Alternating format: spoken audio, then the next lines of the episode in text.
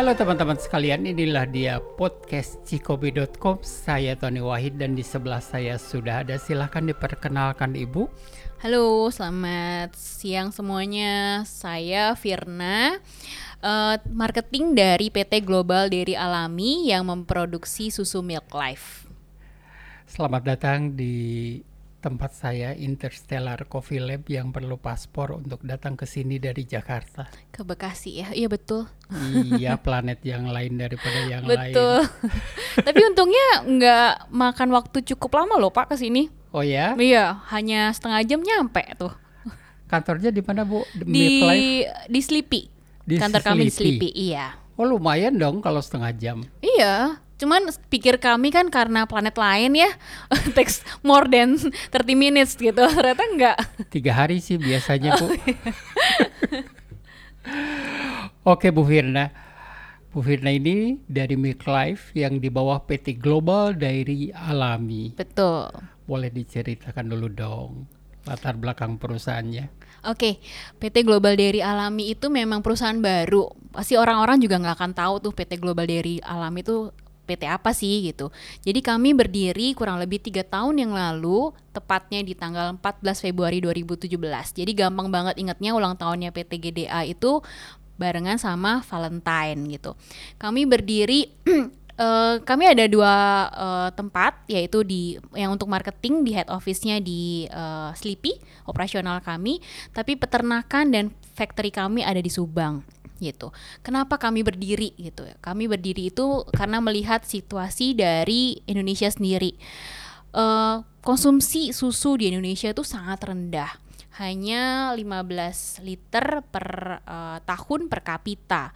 Itu tahun 2019 dengan jumlah penduduk yang hampir 300 juta gitu kan ya. Sama dengan konsumsi kopi di Indonesia juga yang masih sangat rendah sekali. Oh gitu ya, rendah sama, juga ya Pak. Wah. Sama gitu. Nah makanya dibandingkan dengan negara tetangga, let's say kita bilang Malaysia, uh, jumlah penduduknya jauh-jauh lebih sedikit dibandingkan Indonesia hanya 32 jutaan tahun 2019. Tetapi konsumsi susunya bisa more more higher compare to Indonesia. Bisa sampai 55 liter per tahun per kapita gitu. Jauh banget kan bedanya. Di, jadi di ASEAN kita paling, paling rendah. rendah, betul Pak, paling Singapura, rendah. Singapura, Filipina, betul, itu lebih tinggi. tinggi. Yes, betul. Ada alasan tertentu nggak kenapa mereka jauh lebih tinggi? Satu mungkin memang dari edukasinya ya, kita belum terbiasa untuk minum susu. Mungkin biasanya minum teh atau minum air putih gitu ya. Jadi uh, dianggapnya kalau susu itu hanya untuk anak kecil, itu pertama. Jadi kalau untuk udah let's say teenagers kemudian ke dewasa, dewasa mereka jarang sekali tuh minum susu gitu. Padahal sebetulnya susu itu diperlukan sampai usia kita dewasa gitu. Karena kebutuhannya kebutuhan dan manfaatnya itu pun berbeda-beda. Itu yang pertama. Yang kedua adalah ternyata uh, suplai susu dalam negeri itu pun juga kurang sekali. Hanya uh, memenuhi 30% maksimum dari kebutuhan dalam negeri. Jadi 70%-nya itu kita harus penuhi dengan import dari negara lain. Itu makanya jadinya mungkin dirasa susu itu juga mahal, jadi dianggapnya ya udahlah kalau buat anak-anak oke okay, saya kasih susu. Tapi kalau udah dewasa apa iya sih masih mesti perlu minum susu gitu. Jadi itu sih kayaknya yang membuat makanya konsumsi susu di Indonesia tuh rendah banget dibandingin negara-negara tetangga. Kadang ada stigma-stigma juga lu kok udah gede masih minum susu? Nah itu dia kadang-kadang malu mungkin ya pak ya. Iya. Lu kok minum susu suka anak kecil aja gitu kan?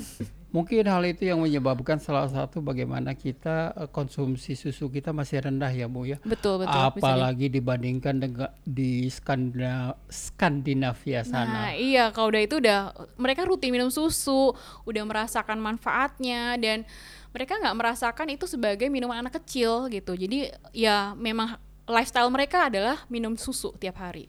Jadi teman-teman, PT GDA ini adalah perusahaan yang produknya Make Life ada di mana-mana terakhir ini. Betul. Dan saya sering melihatnya di Instagram dan di berbagai media sosial lainnya. Yeah. Podcast Cikopi.com mendapatkan kehormatan untuk juga ikut mengenalkan Make Life kepada para halayak jamaah Cikopi yang ada di podcast ini tentunya. Okay. Yeah, yeah. Uh, uh. Dan Bu, kita langsung saja. Tadi tuh saya kan membahas sapi itu gede. Betul, gede banget. 500 kilo atau setengah ton. Mm -mm. Cukup mengintimidasi. Dan buntutnya ngipas sana ngipas sini. Kemudian juga apalagi ada tanduknya. Nah, untuk sapi-sapi yang di Milk Life ini, mm -mm. Yang didatangkan khusus dari Australia nih katanya ya. Betul. Uh, itu sapinya pada bertanduk nggak sih?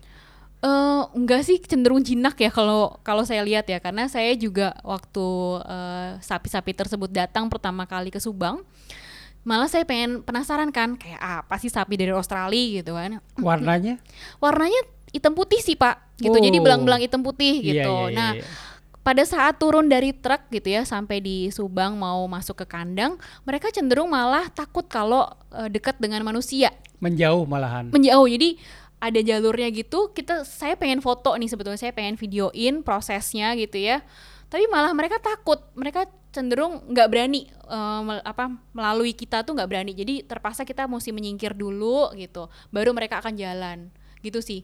Okay. cenderung jinak maka saya bilang nah nanti kita akan cerita lebih banyak tentang proses pengolahan uh, boleh, susu boleh. di Subang sana yeah. nah Salah satu produk yang cukup banyak juga adalah yang di kalangan barista.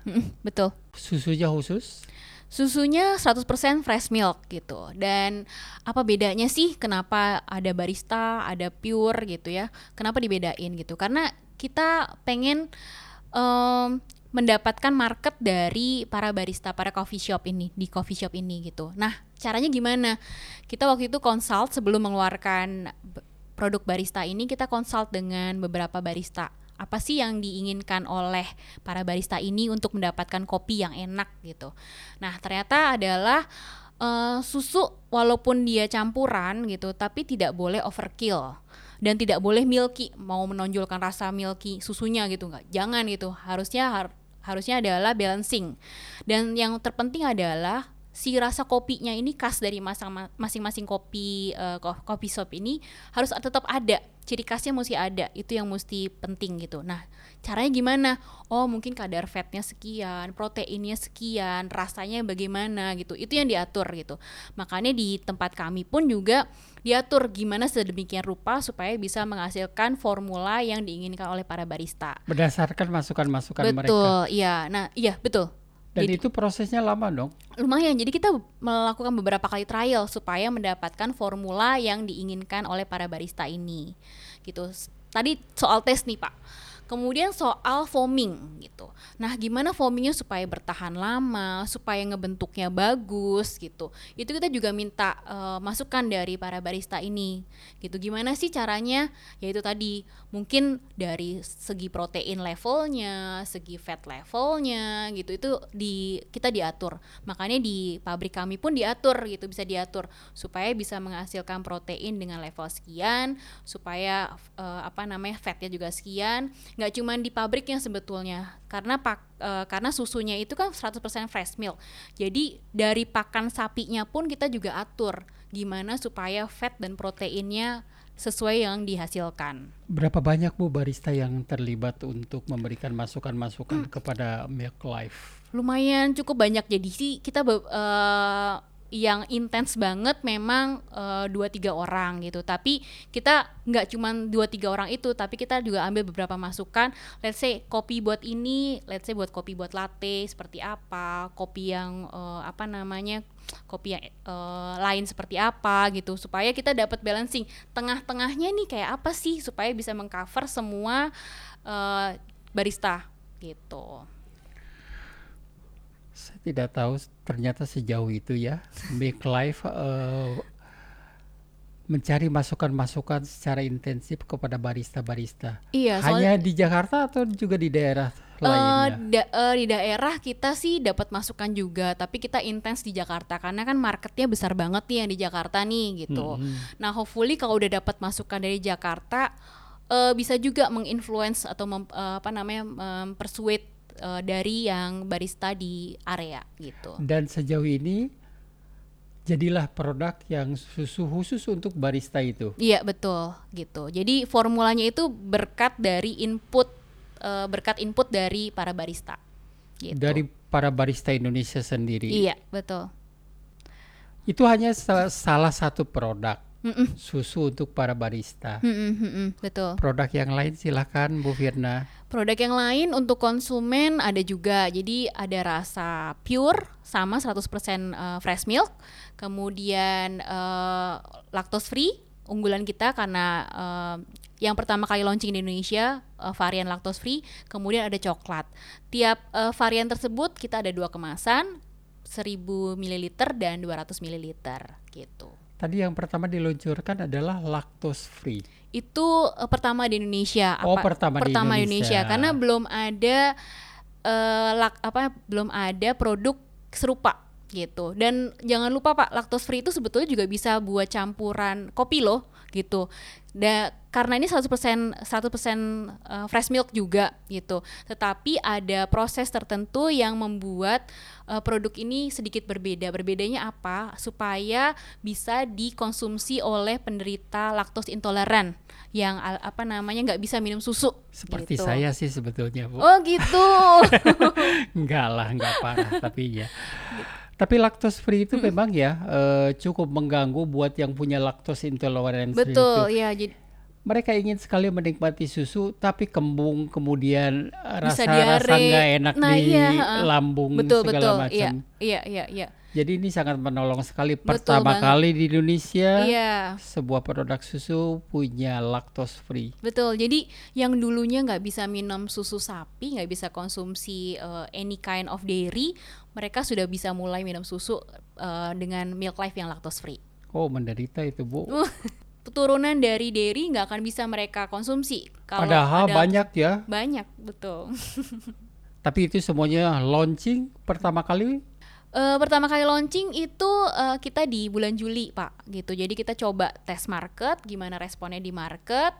Ternyata uh, responnya cukup bagus, baik dari yang pure, kemudian coklat dan barista kemudian lactose free kita launching barengan dengan 17 Agustus supaya kita bilang uh, enjoy your dairy again without worry. Intinya sih seperti itu. Hebat sekali ya launching pada saat empat bulan setelah pandemi itu. Bu. Kita antara nekat dan berani sih.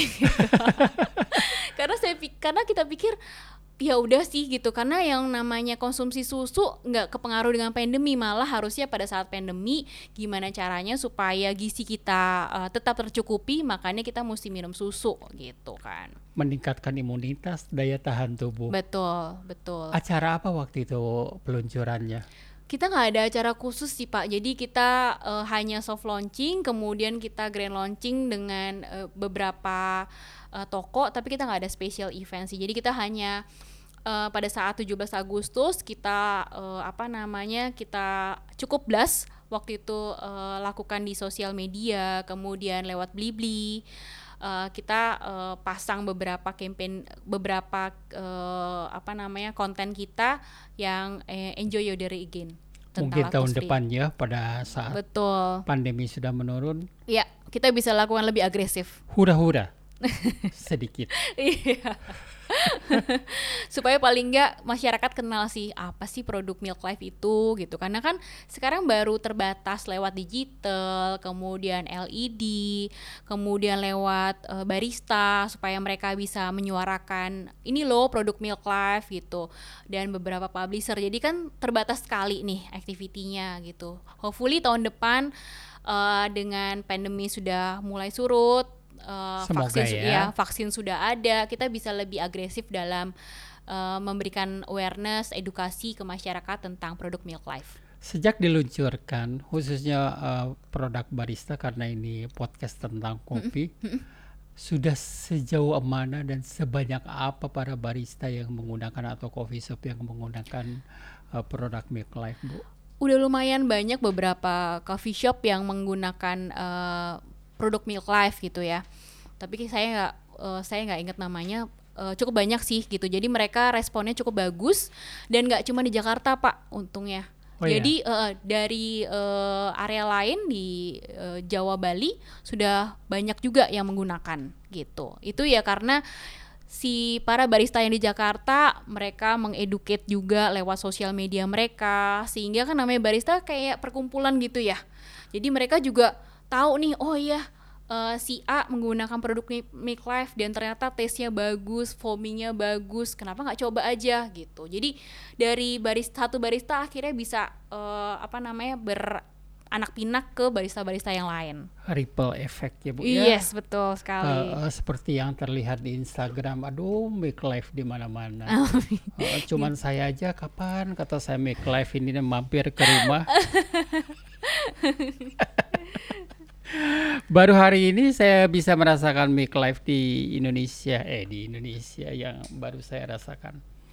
Oke, kembali lagi kepada uh, kehidupan di coffee shop yang biasanya untuk para lactose intolerance, mereka biasanya men menyediakan beberapa pilihan supaya mereka masih bisa menikmati cappuccino atau latte. Hmm. Ada yang menggunakan soy, ada yang menggunakan almond. Ya, Tentu dengan betul. harga yang jauh lebih berbeda. Betul, jauh lebih mahal ya, Pak ya.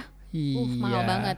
Dan ini merupakan satu terobosan sehingga para penikmat kopi masih bisa menikmati susu dengan laktos free itu. Iya betul. Jadi namanya lactose free ini kan uh, produk sebetulnya dari susu sapi. Beda kalau yang susu kedelai lah, kemudian susu almond itu kan dari uh, plant, dari tanaman gitu. Jadi yeah. bukan dairy lah gitu ya. Nah dengan adanya lactose free ini, jadi dengan harga yang komp uh, kompetitif jauh-jauh lebih murah dibandingin susu almond gitu itu bisa menikmati dairy lagi bercampur dengan yang latte lah atau eh, kopi-kopi uh, lainnya gitu. Dan jadi teman-teman walaupun ini disebut dengan lactose free masih bisa digunakan untuk produk milk base di coffee shop coffee shop sebagai salah satu pilihan betul. buat para pengunjung yang punya lactose intolerance. Iya betul. Jadi nggak perlu worry dengan sakit perut, terus kembung atau bahkan sampai diare gitu. Oke buat teman-teman sekalian tentunya produk Life sudah bisa didapatkan di banyak tempat tentunya ya Bu. Betul. Boleh dijelaskan? Oke, jadi produk Life ini sudah tersebar di uh, Jakarta sampai Bali. Bisa didapatkan di hypermarket, supermarket, bahkan Indoma apa bahkan minimarket terdekat di rumah Anda. Atau kalau mau beli via online bisa lewat Blibli gitu. Jadi pesan hari ini bisa sorenya nyampe gitu. Oh iya. Iya, bisa cepat gitu. Jadi tanpa harus melalui sebuah agen lagi Enggak. atau mm -hmm. Jadi bisa ya bisa langsung, langsung ya? bisa ha. Atau mau kalau ada depo susu di tempat uh, di sekitar rumah Anda ada depo susu, kita juga sudah tersedia di depo susu gitu. Jadi di mana pun yang uh, apa di mana pun uh, berada itu sudah ada gitu. Dan akses ini hanya ada di Jakarta atau juga kota-kota yang lainnya? Sampai ke Bali, Pak kita, sampai ke Bali ya, ya. distribusi uh, Milk Life sudah sampai di Bali gitu. Hopefully kalau uh, apa namanya responnya lebih bagus lagi, kita bisa expand ke luar pulau gitu. Oke, sejauh ini Jawa Bali aman aja ya Bu? Aman. Aman untuk akses iya. produk-produk Milk Life. Iya. Mm -mm. Dan Nah, ini dia nih yang tadi saya tanyakan. Sejauh mana sih penetrasi make life di Indonesia? Tentu angkanya tidak bisa disebutkan pada saat ini karena baru saja diluncurkan. Betul, iya. Tapi kayak kayaknya sih membahagiakan ya buat make life. Silakan, Bu. Oke, okay, uh, eh, kalau dilihat respon pasar uh, memang cukup bagus gitu. Uh, terbukti dari tiap minggu kita produksi nih. Karena kenapa tiap minggu kita produksi? Selain karena memang uh, shelf life-nya atau ED-nya nggak terlalu panjang, tapi karena ini ada permintaan dari pasar gitu, supaya bisa mengisi uh, chiller-chiller yang kosong. Nah, karena kita lihat dari beberapa misalkan uh, toko gitu, kita lihat oh ternyata jumlah stoknya udah tinggal sedikit gitu. Berarti mereka akan repeat order ke kami dan itu makanya terjadilah tiap minggu ada produksi ada produksi terus gitu.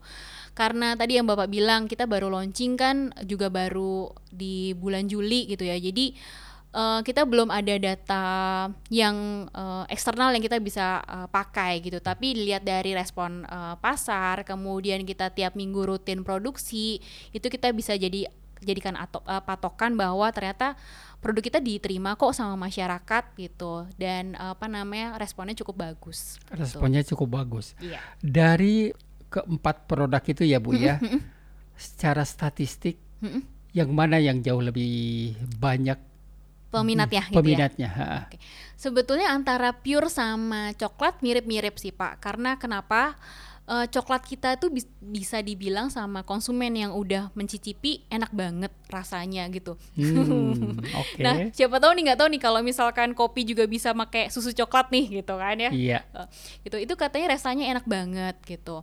Nah kalau untuk pure dan uh, barista relatifly mirip-mirip lah karena kan uh, susu segar semuanya gitu. Kalau yang pure itu memang dikonsumsi sama uh, apa namanya masyarakat ibu-ibu gitu, itu karena buat uh, selain buat dikonsumsi langsung juga bisa buat campuran kan sebetulnya bisa campuran roti lah untuk puding atau untuk uh, hot kitchen yang pasta segala macam gitu. Nah kalau barista memang karena uh, penyebarannya ya lewat coffee shop, kemudian hotel atau restoran yang menggunakan gitu. Jadi uh, yang paling banyak sih sebetulnya yang pure, yang coklat uh, mendekati yang yang lactose free ini yang kita memang perlu edukasi sih. Karena belum banyak yang tahu dan ini pertama di Indonesia itu yang kita perlu lebih kencengin lagi lah gitu. Apalagi yeah. di coffee shop nih kan belum pernah tahu nih yang namanya susu uh, lactose free gitu. Itu yang kita perlu edukasi juga sih ke para barista supaya uh, mereka mau nawarin atau mungkin mereplace nih jadinya susu si almond dan susu kedelainya gitu. Dan Big Life ini cukup punya atensi tersendiri kepada barista sehingga menciptakan susu khusus para barista pertama di Indonesia. Oh iya itu sih yang karena kita juga nggak mau uh, melupakan bis, apa namanya konsumen ini gitu. Jadi konsumen kita kan nggak cuman ibu-ibu, nggak cuman moms gitu, tapi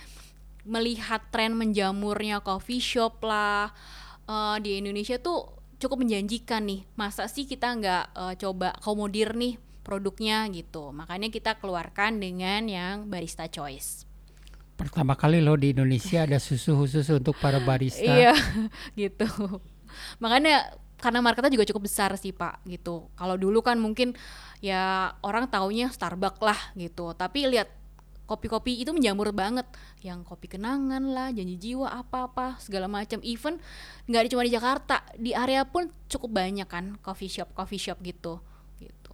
Dan kita nggak ada salahnya kita uh, apa namanya approach ke coffee shop itu. Barista Indonesia Anda sudah dimanjakan oleh Milk Life. Biar sama-sama berpartner buat uh, apa namanya masyarakat Indonesia Iya dan semoga produknya semakin banyak diterima juga Amin. oleh para barista di Indonesia ya Bu ya. Iya. Selanjutnya juga nanti kegiatan ke depannya nih mau ngapain lagi nih Make Life? Uh, kegiatannya kalau tadi kan kita launchingnya baru fresh milk nih, nanti kita akan uh, keluarkan uh, yang lain nih produk yang lain gitu. Nah kalau keluarin produk yang lain, launching produk yang lain, uh, kita perlu edukasi masyarakat kan. Jadi biar tahu nih produk Milk Life itu apa, manfaatnya apa, perbedaannya dengan yang produk yang sudah di pasaran apa. Kita bisa gunakan edukasi melalui TV yang lebih mass gitu. Kemudian kita juga nggak melupakan uh, media digital karena sekarang siapa sih yang nggak lepas dari gadget gitu pasti juga uh, orang mungkin bisa dibilang uh, more than uh, eh, 10 hours pegang gadget terus gitu. Walaupun kerja dengan laptop tapi gadget tetap ada gitu. Jadi kita juga akan tetap heavy di uh, digital. Kemudian mungkin juga uh, kita nggak lupakan publisher-publisher supaya mereka bisa mengedukasi ke para moms. Mungkin edukasi juga lewat uh, publisher barista kita juga mungkin bisa kerjasama kolaborasi dengan itu ataupun kita juga lakukan kita punya planning roadshow nih. Karena barista yang satu ke barista yang lain supaya kayak menga bukan mengedukasi bukan mengajarkan sharing lah sharing pengalaman gitu.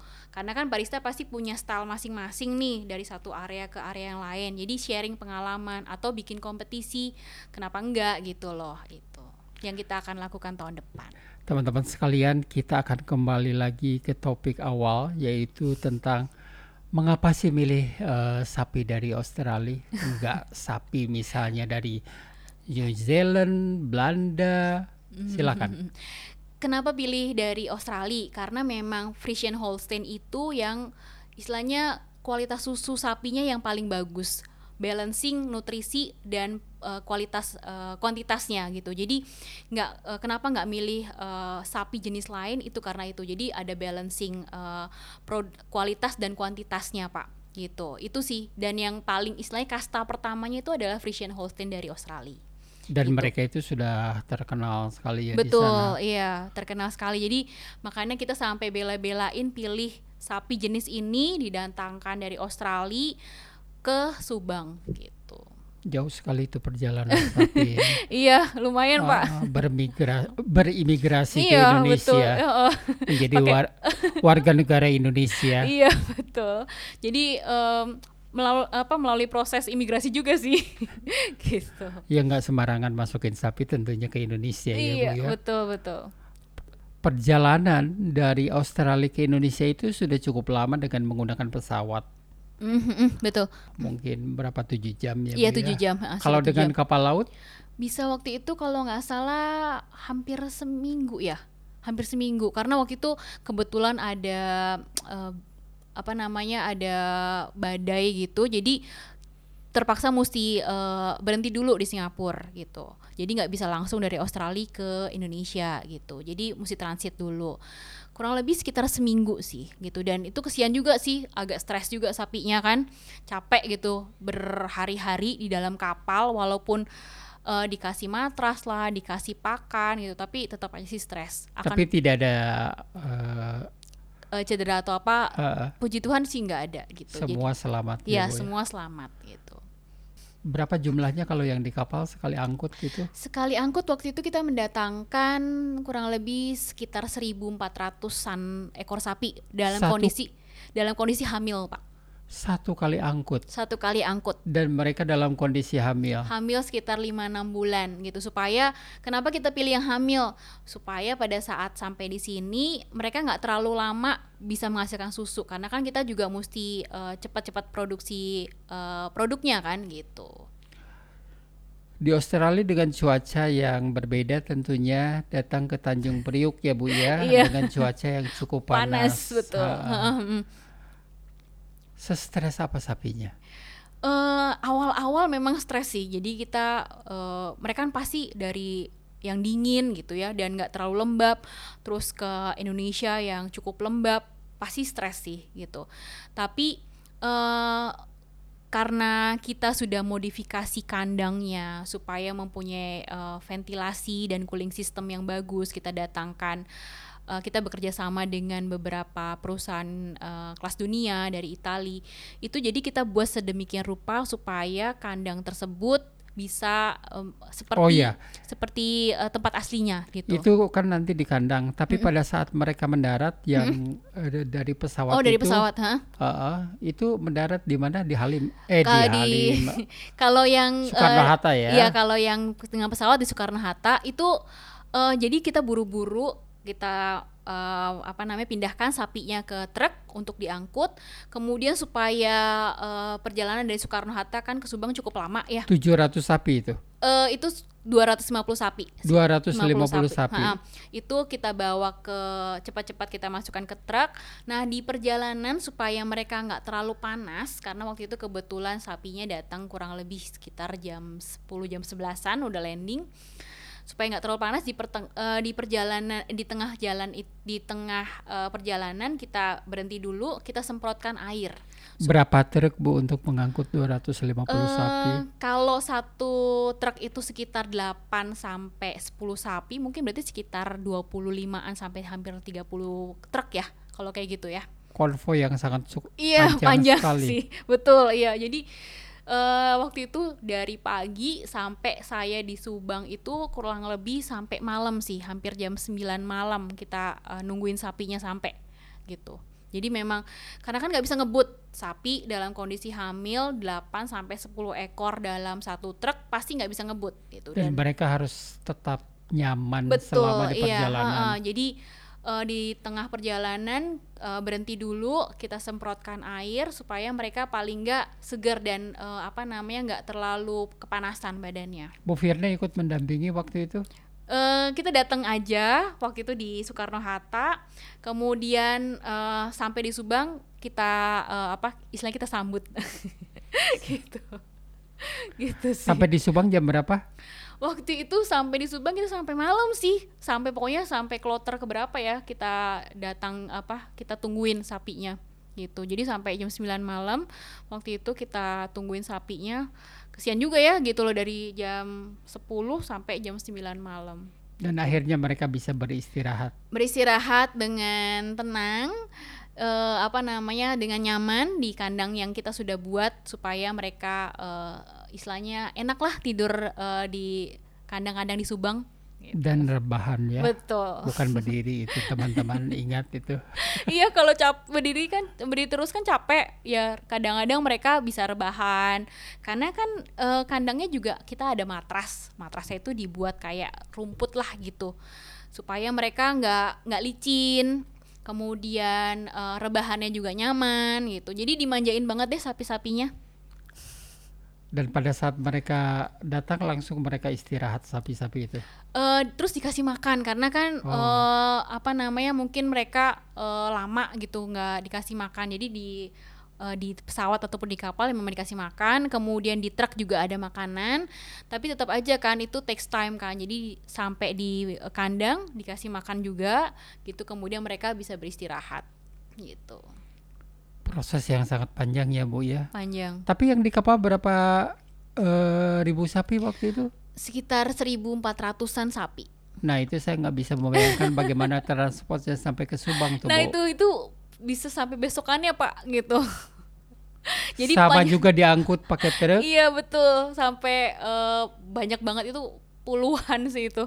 Itu karena memang sama satu truk cuman cukup 8 sampai 10 sapi dan waktu itu sore sih untungnya menjelang uh, sore jadi nggak terlalu panas. Sampai besokannya itu masih ada kedatangan sapi. Wow. Gitu. sampai di Subang. Dan text time banget sih memang. Dan jumlah sapinya sekarang ada? Kurang lebih hampir uh, tiga ribuan sapi. Karena kan sudah uh, beranak gitu. Dan anaknya kita kalau yang betina kita pelihara juga kalau yang uh, apa namanya uh, jantan dijual atau diberikan ke masyarakat sekitar. Gitu.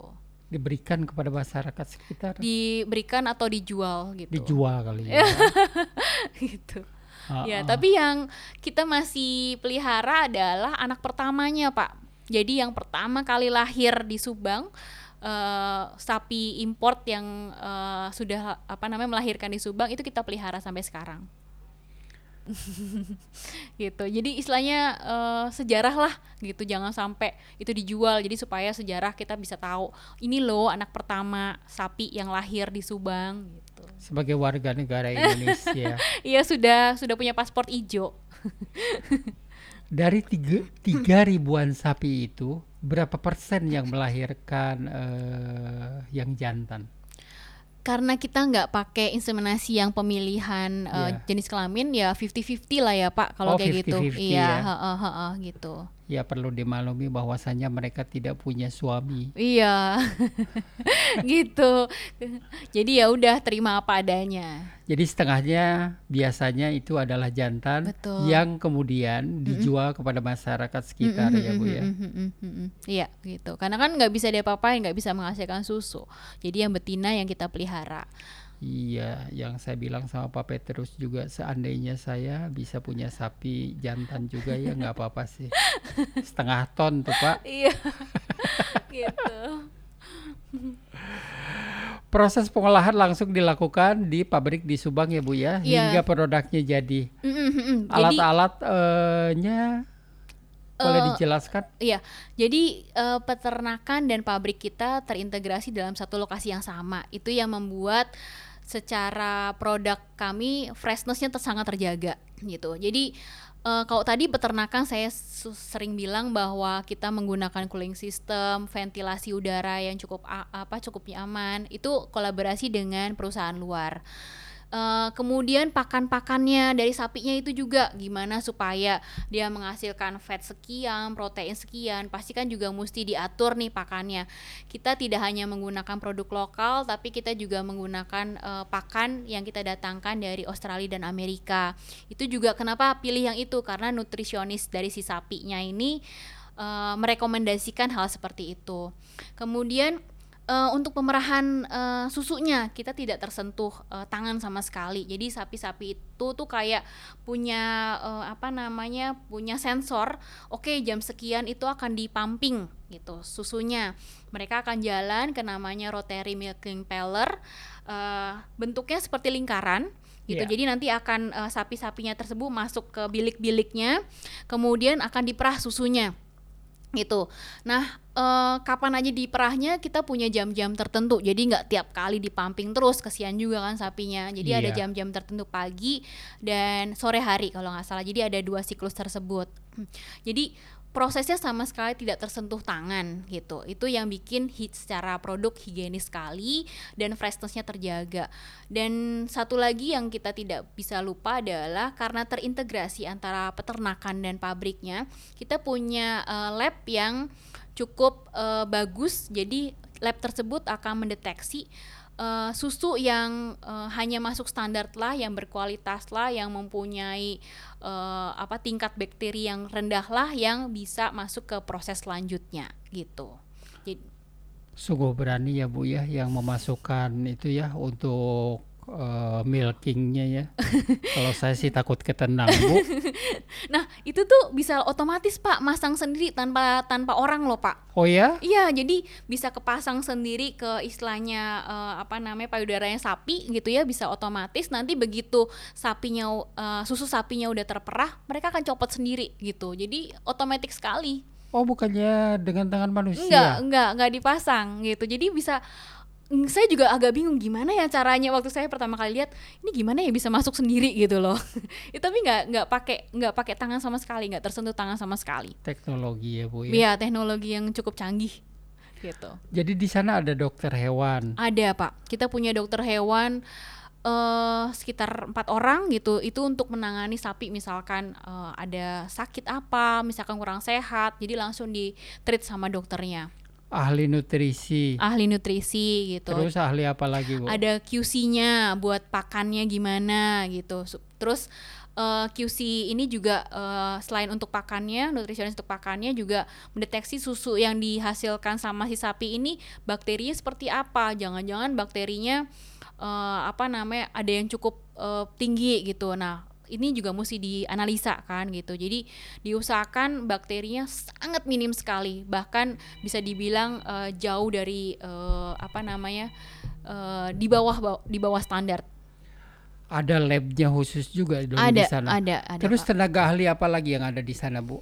Kemudian yang pasti uh, untuk uh, apa namanya kepala produksinya, keproduksi uh, susunya juga kita uh, consult dengan beberapa uh, apa namanya konsultan gimana cara uh, supaya mixing dan feeling yang bagus seperti apa. Karena untuk di proses produksinya kita menggunakan teknologi dari Jepang yang very detail. Jadi di setiap lini uh, produksi itu akan dicek gitu. Kemudian untuk pengemasannya kita juga menggunakan uh, kemasan dari Eropa yang uh, apa namanya yang cukup bagus. Kemudian higienis iya betul gitu Iya betul. Jadi paling sentuhan tangan itu digunakan pada saat uh, pengecekan. Jadi kita perlu ambil uh, beberapa, sampel. iya beberapa sampel untuk dicek apakah produk ini sesuai standar atau enggak.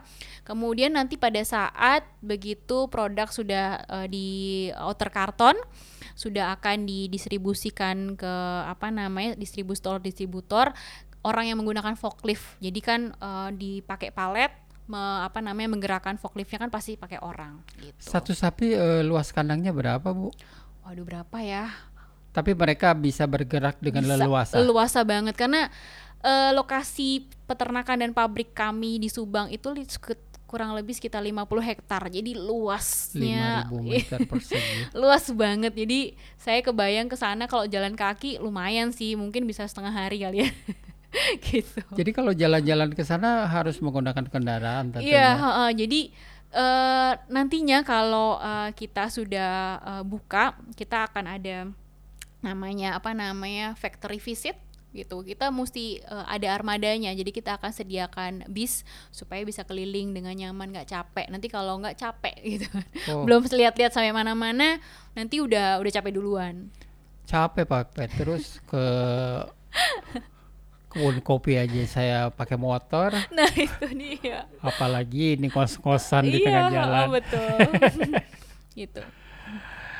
Tapi suatu saat ya bisa dibuka untuk publik. Bisa, bisa. Uh, untuk edukasi. Iya betul. Jadi biar kasih tahu juga ke konsumen dan ke para barista nih gimana sih produksinya susu Milk Life ini supaya mereka juga lebih confidence gini loh produksinya gini loh asal susunya gitu. Jadi kalau mereka nggak ngelihat mereka cuma lihat dari TV atau dari sosial media kan beda. iya kan beda. Kelihatannya ah iklan doang nih gitu. Tapi kalau mereka sudah melihat dengan kepala mereka sendiri mereka akan tahu oh ya produk gue nih aman nih produk gue higienis produk gue fresh gitu itu yang lebih pentingnya. Cuma sayangnya masih iya, masih ditutup. Betul karena pandemi. Moga-moga tahun depan pandemi sudah uh, mereda uh, kita bisa buka. Ya dan kita kan ingin melindungi sesama. Betul. Jadi masih di tertutup. Iya betul. Ya mudah-mudahan nantilah tahun depan saya ajak-ajakin dong ya ke sana. Boleh boleh pak. Terbuka kok kamu oh iya. Uh, karena pandemi kan banyak yang WFH nih gitu. Sebetulnya bisa juga nih kalau kayak saya ambil pengalaman ya waktu WFH kemarin. Jadinya tuh ngelihat resep lihat resep yang simple-simple gitu. Terus kita coba ini misalkan bikin puding dengan uh, susu dengan susu milk life kemudian bikin uh, pasta dengan susu milk life gitu. Nah kita kalau kalau saya paling cuma buat konsumsi anak-anak ya buat ibu-ibu yang lain yang let's say punya jiwa dagang gitu nggak ada salahnya mungkin ditawarkan nih ke teman-teman pertamanya. Siapa tahu mereka akhirnya mau gitu. Bisa juga nih digun apa uh, produk ini juga digunakan oleh ibu-ibu tersebut supaya uh, meng apa namanya menyalurkan bakat dagang, bakat memasak, bakat membuat kreasi minuman dan makanan uh, supaya akhirnya bermanfaat juga nih gitu. Bisa jadi bukan hanya buat barista, buat siapa pun terutama ibu-ibu manfaatkanlah keberadaan susu Milk Life semaksimal mungkin apalagi aksesnya sekarang ini mudah didapatkan di mana-mana. Betul. Sejawa dan Bali. Iya, betul. Saya selalu ingatkan Jawa dan Bali. Sumatera iya, iya. belum kan? Belum. Uh, moga-moga tahun depan jika uh, apa namanya uh, produk kami juga sudah mulai uh, banyak variannya kita bisa uh, apa namanya expand ke luar pulau Sumatera Kalimantan nggak menutup juga ke Sulawesi gitu Oke, kalau begitu terima kasih Bu Firna. Sama-sama Pak. Sudah memilih podcast cikopi.com untuk diseminasi informasi tentang make life di Indonesia khususnya. Tentunya untuk para kalangan para barista yang ingin mencoba, bagi yang belum mencoba, cobalah. Betul. Terima kasih sudah datang dalam podcast kita kali ini. Kita sudahi. Terima kasih semuanya, Pak Petrus, Pak Jeffrey yang sengaja datang-datang jauh-jauh dari Pluit ke rumah saya. Dan semoga kita bisa punya kolaborasi yang lain lagi. Amin. Okay. Terima kasih. Selamat sore semuanya. Selamat Salam sehat. Oke. Okay. Teman-teman sekalian, demikian podcast kita kali ini.